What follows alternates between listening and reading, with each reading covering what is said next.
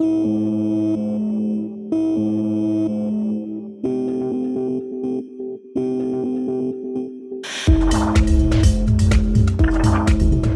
lyssnar på Framtidslandet, en podd om hur Sverige kan bli världens smartaste land. Ledande entreprenörer, forskare och näringslivsprofiler ger sin syn på hur framtidens bästa idéer, arbeten och arbetsplatser kan födas och formas här för att sedan exporteras runt hela världen. Samtalen leds av Daniel Kjellson och podden produceras av Lönster. Över 100 av Skandinaviens mest innovativa företag använder idag Learnsters utbildningsplattform för att omvandla information till riktig kunskap i människors huvuden. Lättsmälta insikter eller dynamiska utbildningsprogram görs enkelt tillgängligt i Learnster för både medarbetare, kunder och partners. Tillsammans kan vi bygga ett framtidsland. Välkommen till Framtidslandet, en podd om pengar, makt, företag och kunskap. Jag heter Daniel Kjellson och här pratar vi om hur Sverige ska bli världens smartaste land. Vilka är framtidens jobb? Vad är värdefull framtidskompetens? Vilka är de nya stora idéerna, satsningarna, samhällsutvecklingarna som vi ska jobba med nu? för att Sverige ska vara med och leda världen framåt. Min vision med de här samtalen är att oavsett om du kom till Sverige för en kvart sedan eller är släkt med Gustav Vasa, så är vi nu alla lika kallade. Vi måste jobba tillsammans för att vårt lilla land ska fortsätta vara starkt i den stora, allt snabbare världen. Vi måste framtidssäkra Sverige. Vi måste agera innovativt och snabbfotat som individer, arbetare, entreprenörer, företagsledare, utbildare, som hel nation. Och idag ska vi möta vad jag själv ser som liksom kontrollrummet till innovationen i Sverige, nämligen innovationsmyndigheten Vinnova och dess generaldirektör Darja Isaksson. Välkommen Darja! Hej! Hej! Inspirerande början, härligt. Där är för ordnings skull, Vinnova är en statlig myndighet under näringsdepartementet och i folkmun så får ni en påse pengar och företag, organisationer, forskningsgrupper och liknande söker sedan den finansieringen. Ni utvärderar och, och liksom distribuerar det eh, beroende på liksom olika kriterier. Har jag snappat upp det okej? Okay? Ja. Hur mycket, hur mycket pengar skeppar ni ut under ett år? Omkring tre miljarder. Vill du ha mer? jag behöver vi mer? Om vi säger så här, med, de förut, med det som vi står inför idag i den här generationen mm. så är ju de investeringar som vi står för det är ändå en liten del eh, mm. av de totala investeringar som behövs. Och både om man tittar på eh, investeringar i forskning och innovation som sånt. Mm. Eh, där till exempel gick ju vdarna för Ericsson, eh, ABB och eh, Volvo ut i höstas och menar att eh, även om vi är ett land som länge har långsiktigt finansierat forskning och innovation och ligger verkligen i, i eh, högt upp i ett internationellt sammanhang så behöver vi öka de investeringarna. Men sen när man tittar på vad som krävs för den faktiska omställningen och de nya lösningarna så är det ju enorma summor naturligtvis. Så att mm. satt i sitt kontext så är vi ju ändå en relativt liten del mm. av alla som, som, som har gynnat oss och som behövs även framåt. Mm. Och, du, och du nämnde där det vi står inför. Vad, vad är det vi står inför? Ja, vad ska man säga? Vi står ju inför eh, en, eh, en omställning av eh, samhället som är den största sedan den första industriella revolutionen. Och de av oss som har gått mellanstadiet fick ändå lära oss en del om vad den betydde i form av ändrade förutsättningar för hur man lever och mm. vilket slags jobb man kan ha och, och hur samhället faktiskt ser ut. Mm. Så den omställning som vi står inför nu är minst lika stor och genomgripande. Mm. Och när jag då liksom i, i det här introt sa att vi ska prata om pengar, makt, jobb och liksom våra liv i den här framtidens ekonomi. Är det då en framtid, och då menar jag och hela Sveriges vägnar, som du ser på med, med liksom lugn och tillförsikt eller med lite oro? Alltså jag, jag har svårt att tro att någon som läser nyheter och vetenskapliga rapporter kan se på framtiden med ett självklart lugn och tillförsikt. Eh, men jag tänker väl så att ta ansvar är också att välja sitt förhållningssätt. Mm. Och eh, jag tillhör de som inspireras och tycker att Christina, eh, Christiana Figueres, hon som rodde i land Parisavtalet mm. trots att hon i efterhand erkänner att hon inte trodde det var möjligt. Hon säger att nu är tiden för envis optimism. Mm. Eller om man ska citera en annan känd person, Abraham Lincoln, som sa det bästa sättet att förutsäga framtiden är att skapa den.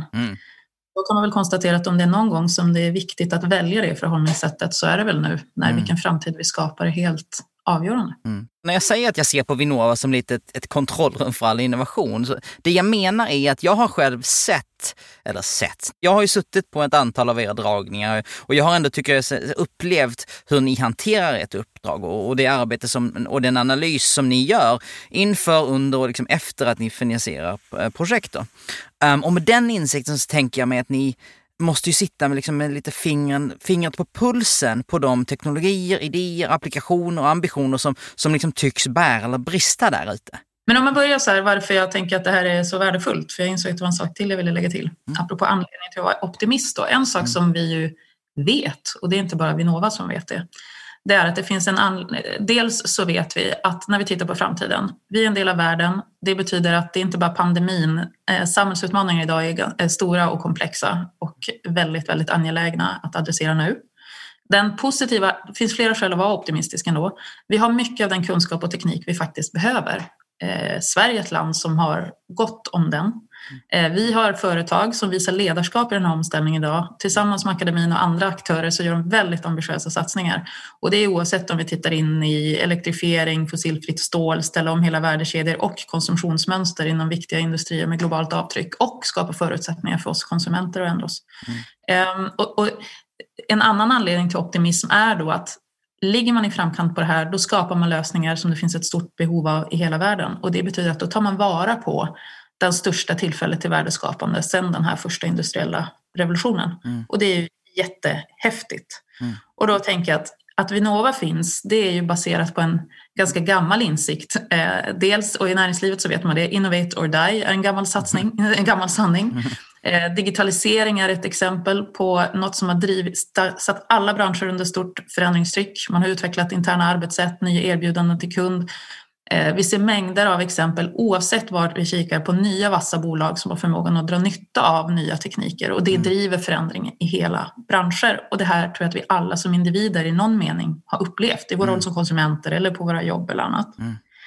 Eh, och det som då i grunden är eh, Vinnovas uppgift, det är ju att stimulera ett risktagande och ett experimenterande som annars inte blir av. Det är en gammal mm. nationalekonomisk insikt att det finns experimenterande som, som eh, riskerar att inte bli av. Så typiskt så bistår vi näringslivet att tillsammans med akademin utforska saker som man inte har testat förut. Mm. Både stora multinationella bolag som har funnits länge och nya.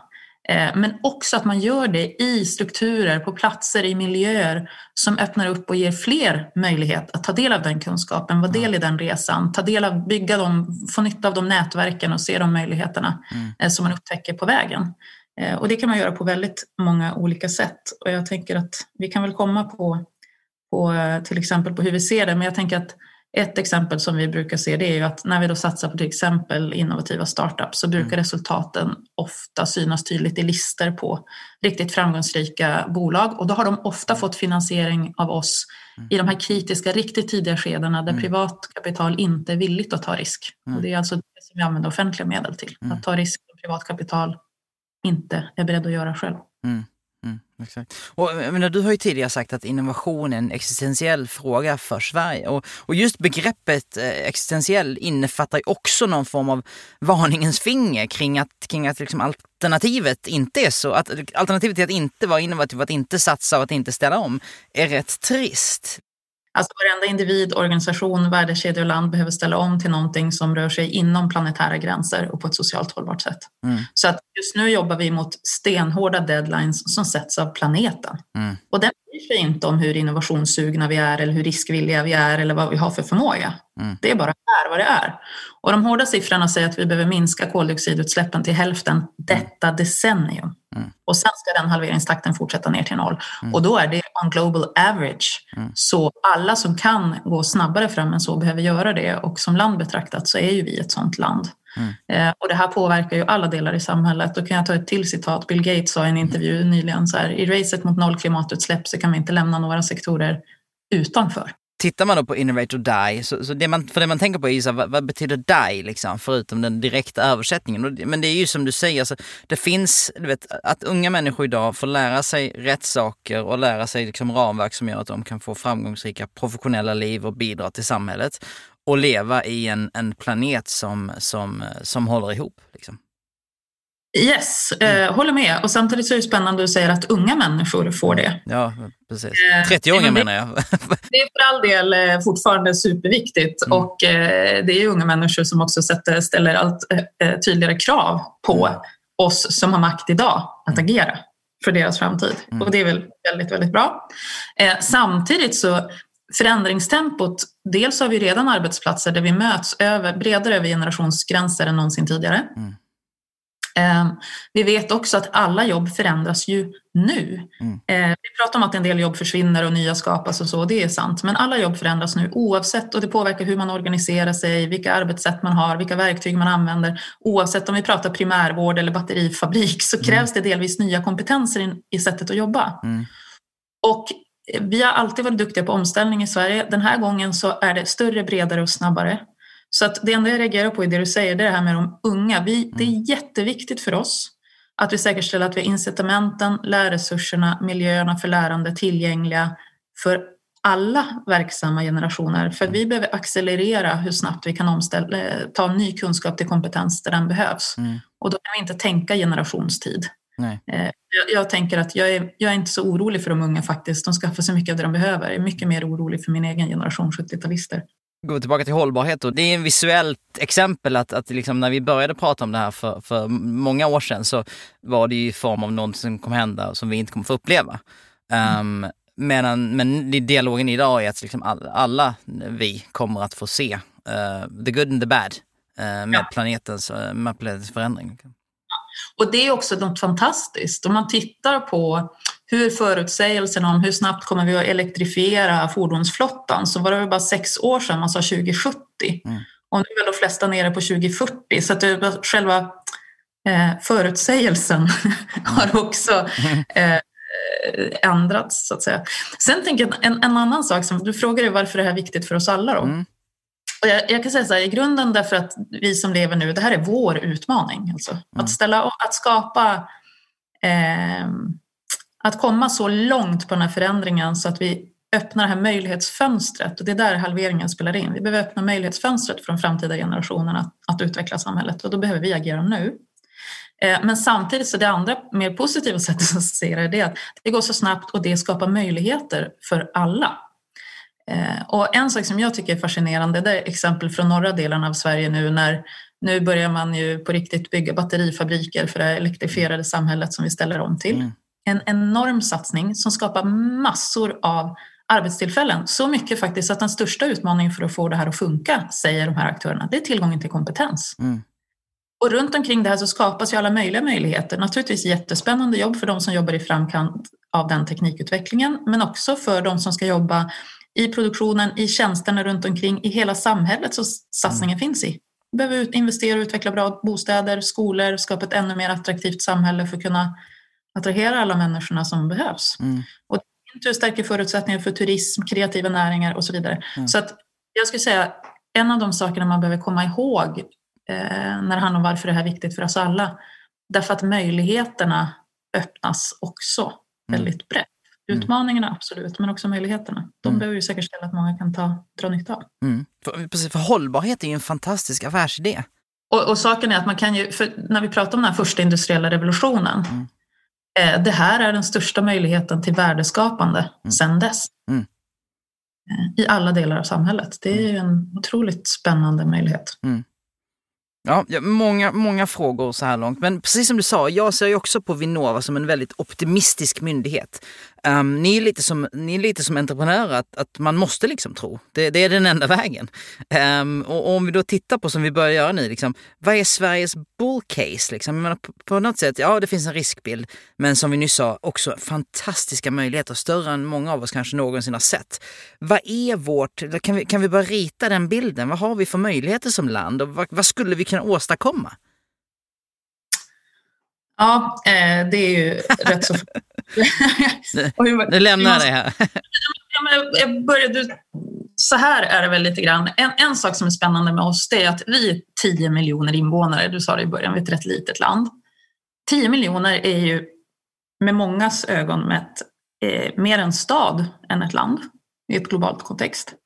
Samtidigt, trots det, så har vi en helt unik bredd i vårt näringsliv. Vi har så många multinationella och ledande bolag inom en bredd av sektorer och vi har en startup-scen i absolut världsklass. Mm. Det är inte många länder av en stads storlek förunnat att ha det. Mm. Så jag skulle säga att vårt bull market case är att vi lyckas dra på synergierna mellan de här styrkorna. Eh, vi har världsledande kunskap inom områden som skapar förutsättningar för innovativa lösningar i massor av branscher oavsett om vi pratar om nya material, digitalisering, både uppkoppling, AI, mm. Eh, elektrifiering och så vidare. Och det behövs ju nu innovativa lösningar som ställer om hela värdekedjor, tillverkningsindustrin, transport, mat, nya konsumtionsmönster och välfärdstjänster som drar på många av de här eh, teknologierna som är väldigt generella. Så att jag tror att vårt boom case bygger väldigt mycket på förmågan att eh, nyttja synergierna mellan det här. Mm. Mellan startup-scen i världsklass och de här eh, multinationella som har funnits länge och deras eh, insikt om hur, hur många globala värdekedjor behöver ställas om, för att ta ett exempel. Du säger att vi har en startup-scen i världsklass, vilket vi såklart har. Och, och, jag brukar ofta prata om att det här, vet, vi som i den generationen, de flesta av oss, eh, man kan ju direkt härleda det tror jag till men du vet, de tidiga internetuppkopplingarna, hemma-PCn, den svenska skolan. Det finns liksom ett ramverk som, som vi då som, som generation eller två generationer växte upp inom och, och sen många av de entreprenörerna vi tittar på idag och lyfter fram som framgångssagor eh, kan ju ofta härledas dit. Kanske med en Commodore 64 eller vad, pappas hemma-PC eller mammas hemma-PC eller vad det nu än var. Tror du, när vi nu pratar om det här bull market-caset för Sverige, nästa Sverige, liksom, har, har vi då fortsatt samma förutsättningar? Har de unga samma förutsättningar? Har de som är 50-60 år idag och vill starta om, har de samma förutsättningar att ge sig på den här nya möjligheten? Alltså både och skulle jag säga. Dels måste jag bara göra en reflektion för den här eh, storyn till framgångssagan skriver jag också under på och många personliga eh, erfarenheter av som är roliga i sig. Men, men på din fråga då, nej men det är klart att det är en, en att ha ett bra utbildningssystem är eh, jätteviktigt. Grundläggande färdigheter. Mm. Så. Um, att ha tillgång till och vad hem-PC och bredband var, var ju förutsättningar i form av faktisk infrastruktur. Mm. Uppkoppling, maskiner. Mm. Um, där är jag oroad för Sverige idag för att det är om än ännu viktigare idag. Mm. Vi måste ha den senaste uppkopplingen och kunna experimentera med. Vi måste ha tillgång till beräkningskapacitet om man tittar och utvecklar AI nu, vad det kräver. Mm. Vi måste ha förutsättningar att ha säkra molnmiljöer. Man ska inte behöva uppfinna de här hjulen i varenda verksamhet för att få saker att funka och lösningarna finns men de måste vara implementerade ofta på ett sätt som, som öppnar upp för många. Mm. Eh, det är absolut eh, viktigt för Sverige och eh, finns mycket att göra inom sådana delar. Eh, sen handlar det såklart också om då de här säga, grundläggande färdigheterna som kommer. Och du pratar om, om grundläggande kompetens och grundläggande färdigheter. Vad är skillnaden mellan, eh, mellan kunskap och kompetens? Kunskap är någonting du känner till, kompetens är förmågan att omsätta det i praktiken. Men, men om man däremot tittar på det generella, det vi har eh, sett när det handlar om från kompetens till kunskap, så kan man väl uttrycka det så här att vi vet nu att det här livslånga lärandet och påbyggnaden, det är en förutsättning för omställningsförmåga och innovation. Eh, i näringslivet så behöver man både attrahera nya talanger men också verkligen vässa de som man har när det handlar om att kunna röra på sig tillräckligt snabbt. Och det gör att innovation behövs också i hur lärande går till. Mm. Och Vinnovas roll är ju ofta att till exempel finansiera de här tidiga experimenten igen, även på det här området. Mm. Nu har vi ett nationellt samverkansprogram som, som eh, regeringen håller i, där aktörer eh, verkligen från hela samhället diskuterar gemensamma prioriteringar, vad behövs? Och några saker som man lyfter, det är till exempel digital infrastruktur för effektivare matchning mm. på arbetsmarknaden, men också mellan kompetensbehov, individ och lärmöjligheter. Vi behöver jobba dat ännu mer datadrivet även där. Eh, så nästan, eh, ja, en annan, och, och då, och man behöver också modularisera lärresurser så att världsledande kunskap finns tillgänglig i olika lärmiljöer. Och där har vi finansierat en del saker som jag tycker är spännande. I, eh, bland annat finns det en satsning som eh, ett av våra strategiska innovationsprogram som vi har tillsammans med Energimyndigheten och Formas som kallas för Produktion 2030 har. De kallar det för Civilingenjör 4.0 Mm. Det är en satsning att göra en hel del eh, viktiga lärresurser tillgängliga för civilingenjörer uppkopplade i ett internationellt kontext, alltså samverkan mm. mellan eh, lärosäten i hela Europa som, som driver det här. Hur säkerställer vi att det finns till, att det som ändå finns tillgängligt finns tillgängligt för den som behöver det så mm. effektivt som möjligt. I den här podden pratar vi ofta om så saker du vet, vårt, vårt alla våra professionella livs strukturer förändras um, framåt. Från att så här, okej, okay, du går i gymnasiet, nu måste du välja ditt liv. Um, du går in i ett jobb och sen går du i pension. Um, till, till ett mycket mer snabbrörligt ekosystem. Uh, du, du, måste kunna liksom plugga in, uh, plug in and out av, av arbetslöshet, av, av jobb, en ny karriär, vidareutbildning, påbyggnadsutbildningar och, och, samtidigt så, så, måste vi på något sätt idag, utbildningssystemen idag måste så förbereda sig och vara flexibla nog för att hantera saker vi inte vet än. Jobb vi inte vet finns än, i branscher vi inte vet finns än. Vad är din take på hur man beskriver det och, och tar sig an det? Åh, vilken bra fråga. Jag vet inte om jag kan göra frågan rättvisa. Men, men jag kan väl säga så här då. Inom detta som överallt annat så måste vi bejaka de möjligheter som digitalisering ger till att organisera saker annorlunda. Mm. Men det är jättespännande att se vad pandemin faktiskt har visat i form av att det är möjligt att ställa om snabbt. Mm. Allt ifrån eh, utbildning till eh, komplexa samarbeten har funkat bättre än vad många har trott att göra på distans och tillsammans i digitala miljöer. Mm. till exempel. Vad betyder de insikterna? Vi ser att de faktiska policies som nu stora internationella bolag och andra har ändras förhållningssättet till var kan du sitta och ändå göra ditt jobb? Mm. Det vill säga hur, och, och, vilken slags teamsammansättning tror vi att vi kan ha ändras? Vi har ju också sett sedan tidigare att digitalisering har ju påverkat, inte minst hur jobbar man eh, med att validera kunskap?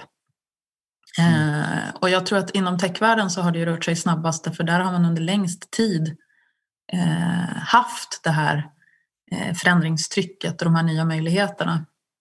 Mm. Så jag tycker det är spännande att se då till exempel, ja, vi kan organisera team annorlunda.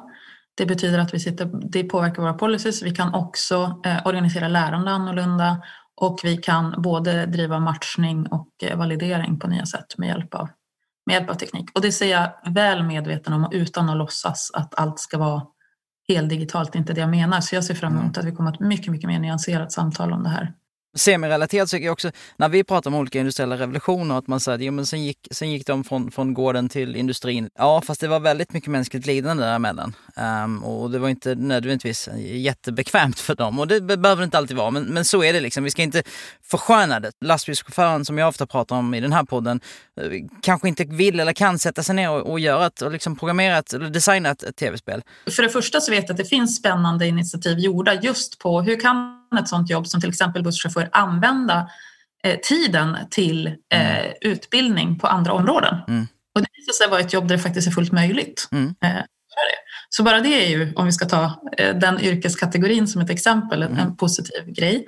Eh, jag såg en studie där man hade gjort sig omaket att inte bara titta på eh, yrken utan också vilka färdigheter mm. krävs inom respektive yrke och vilka olika både kunskaper men också färdigheter och styrkor behöver man. Mm. Och när man började bryta ner det på den nivån då kunde man se ganska oväntade mm. eh, matchningar.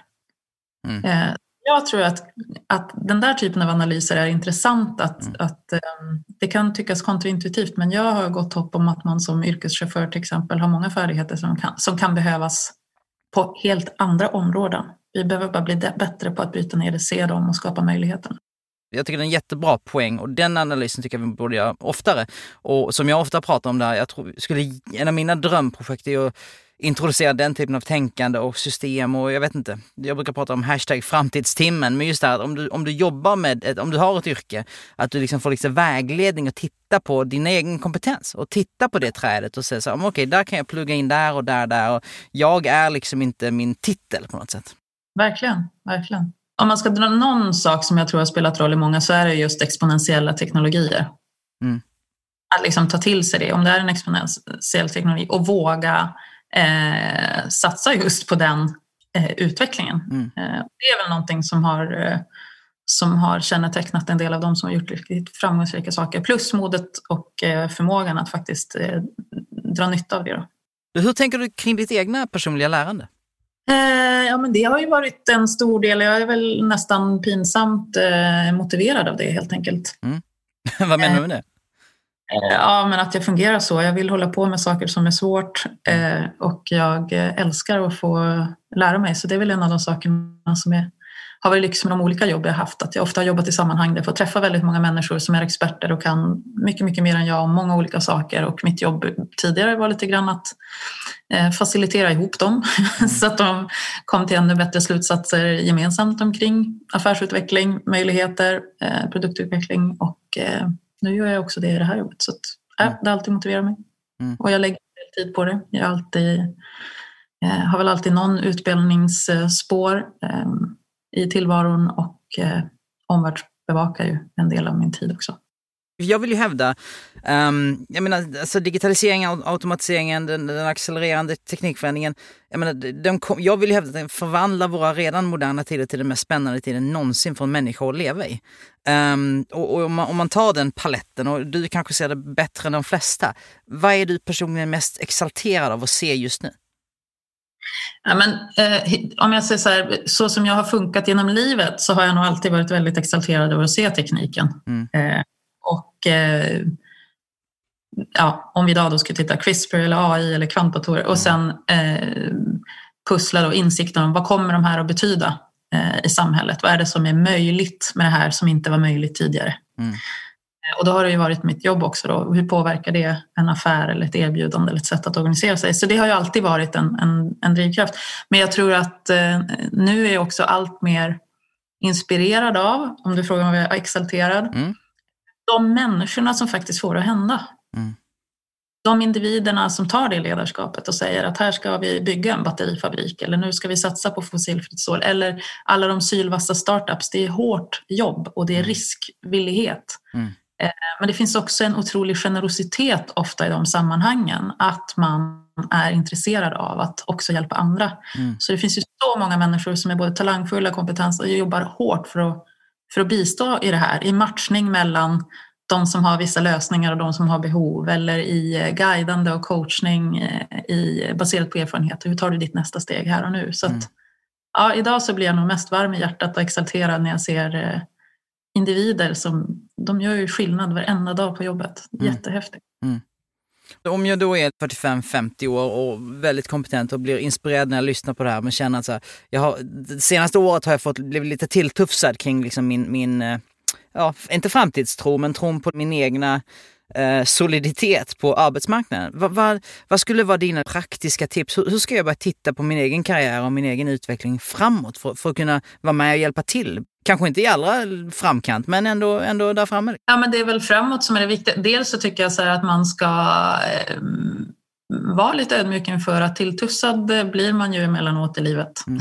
Mm. så, och eh, inte minst i en sån här situation som pandemin är, som jag tror, det, det, både det stora och det lilla och det är många människor som, som har eh, fått det tufft mm. på väldigt olika sätt. Så att, att vara lite sådär, ja, så ser det ut emellanåt. Men nu är ju aldrig alltid. Eh, och då blir det här ordet framåt som du sa väldigt viktigt och värdefullt. Mm. Så om jag då eh, väljer att titta framåt, vad är jag nyfiken på? När har jag gjort mitt bästa arbete tidigare och vad var det som fick mig att göra det då? Och vad lär det mig om vad jag har för förmågor och potentialer? Och sen faktiskt vända sig. Det finns ju mängder av både strukturer som ska kunna finnas till hands för att ge eh, tips och råd. Och det finns så mycket man kan utforska också på egen hand från sin mobil om man vill.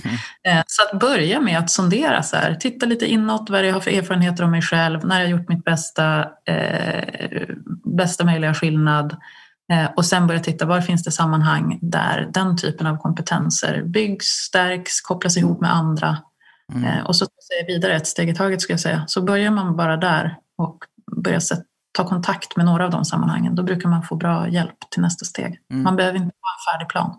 Medskicket är väl så här, både sin egen kompetens och sin förmåga, det bygger man ju ett steg i taget trots mm. allt. Så börja med att titta på var du står just nu och vad vore ett nästa steg? Vilka borde jag ta kontakt med för att lära mig mer eller se om mina, vad mina möjligheter är? Precis, för vi pratar ju på samhällsnivå som du sa innan. Om samhället som sådant gör det möjligt för en stor batterifabrik att byggas långt upp i norra Sverige och att det hjälper till att förändra världen. Då betyder det också att behovet av en barista en, en, en, en, en liksom dagispersonal. Alltså hela samhället blomstrar i alla möjliga kompetenser. Exakt. Och det är den möjligheten som behöver motivera oss. Men det är också den som ställer krav på samverkan. Mm. Utan bostäder och fungerande skolor och vägar så är det inte så lätt att ha en fungerande batterifabrik heller. Eh, så det, ur ett samhällsperspektiv tycker jag att det är det spännande. Att när vi sätter de här målbilderna så visar det också att vi behöver verkligen vara duktiga på att jobba tillsammans mot de här gemensamma målen. För Det är mm. många olika organisationer och kompetenser som behövs. Mm. Men när vi gör det, då öppnas det möjligheter för alla. Mm. Apropå baristan och förskolelärarna. Så. Exakt. Vilka, vad tror du kommer att prägla framtidens arbetsplats? Dels så vet vi att många av framtidens arbetsplatser är eh, platser där man har människor från många olika kompetenser och över generationsgränser. Mm. Så framtidens arbetsplats, där arbetar vi tillsammans med en ännu bredare eh, vad ska man säga, palett mm. av eh, medmänniskor. Eh, en annan del är väl att framtidens arbetsplatser och redan dagens arbetsplatser är ännu mer i rörelse än vad de var tidigare. Det betyder att eh, det här med lärande och utveckling, nya arbetssätt och så vidare, det är ju redan idag men också allt mer en fortsatt del av vardagen. Eh, man, man, är inte i ett steady state, nu funkar vi så här, utan man är i ständig förändring. Mm. Och vad ska man säga mer? Jag tror att det är jättevärdefullt och häftigt att framtidens arbetsplats i mycket högre utsträckning också alltid är internationellt uppkopplad. Mm. Inte minst i sitt lärande. Och jag kan ta ett väldigt konkret exempel. Man gjorde studier på vad som kännetecknar de äldreboenden som hade högst upplevd kvalitet bland både de som tog emot tjänsten och de som jobbade i dem, mm. var det inte eh, resurserna som var den starkaste korrelationen, utan det var, finns det ett systematiskt lärande i vardagen mm. för de som jobbar där, mm. kopplat till kunskap eller inte. Det var den, en av de absolut viktigaste faktorerna som drev det. Mm. Eh, och det, det påminner mig om att varenda arbetsplats eh, behöver ha ett systematiskt lärande och göra det där man tar vara på möjligheterna att eh, också koppla sig till internationella sammanhang. Mm. Och jag menar, det ser vi ju idag, alltså, på tal om det här att attrahera talang till Sverige, vilket liksom är en nyckelfråga. Um. Utvecklingsmöjligheterna är ju, är ju liksom topp 1, 2, 3 på när, när människor tittar på, på nästa arbetsplats såklart. Mm. Ja, det är väl en, det är ju, säger ju att människor både vill, förstår vikten av och vill prioritera det. Darja Isaksson, du leder alltså vår innovationsmyndighet Vinnova. Jag vill ta tillfället i akt och säga att du, vi uppfattar dig allihopa tror jag som, som väldigt innovativ och inspirerande som individ också, inte bara som en representant. Och jag vill tacka dig för det. Jag hoppas du fortsätter med det så att vi kan följa dig. Och stort tack för din tid här idag. Tack så jättemycket. Inte hundra på att mina barn håller med varje dag, men på jobbet så. jag hoppas att du inte är innovativ varje dag vid frukosten. ja, bara ibland. Du har lyssnat på Framtidslandet. En podd om hur Sverige kan bli världens smartaste land. Samtalet leddes av Daniel Kjellson och podden produceras av Lönster.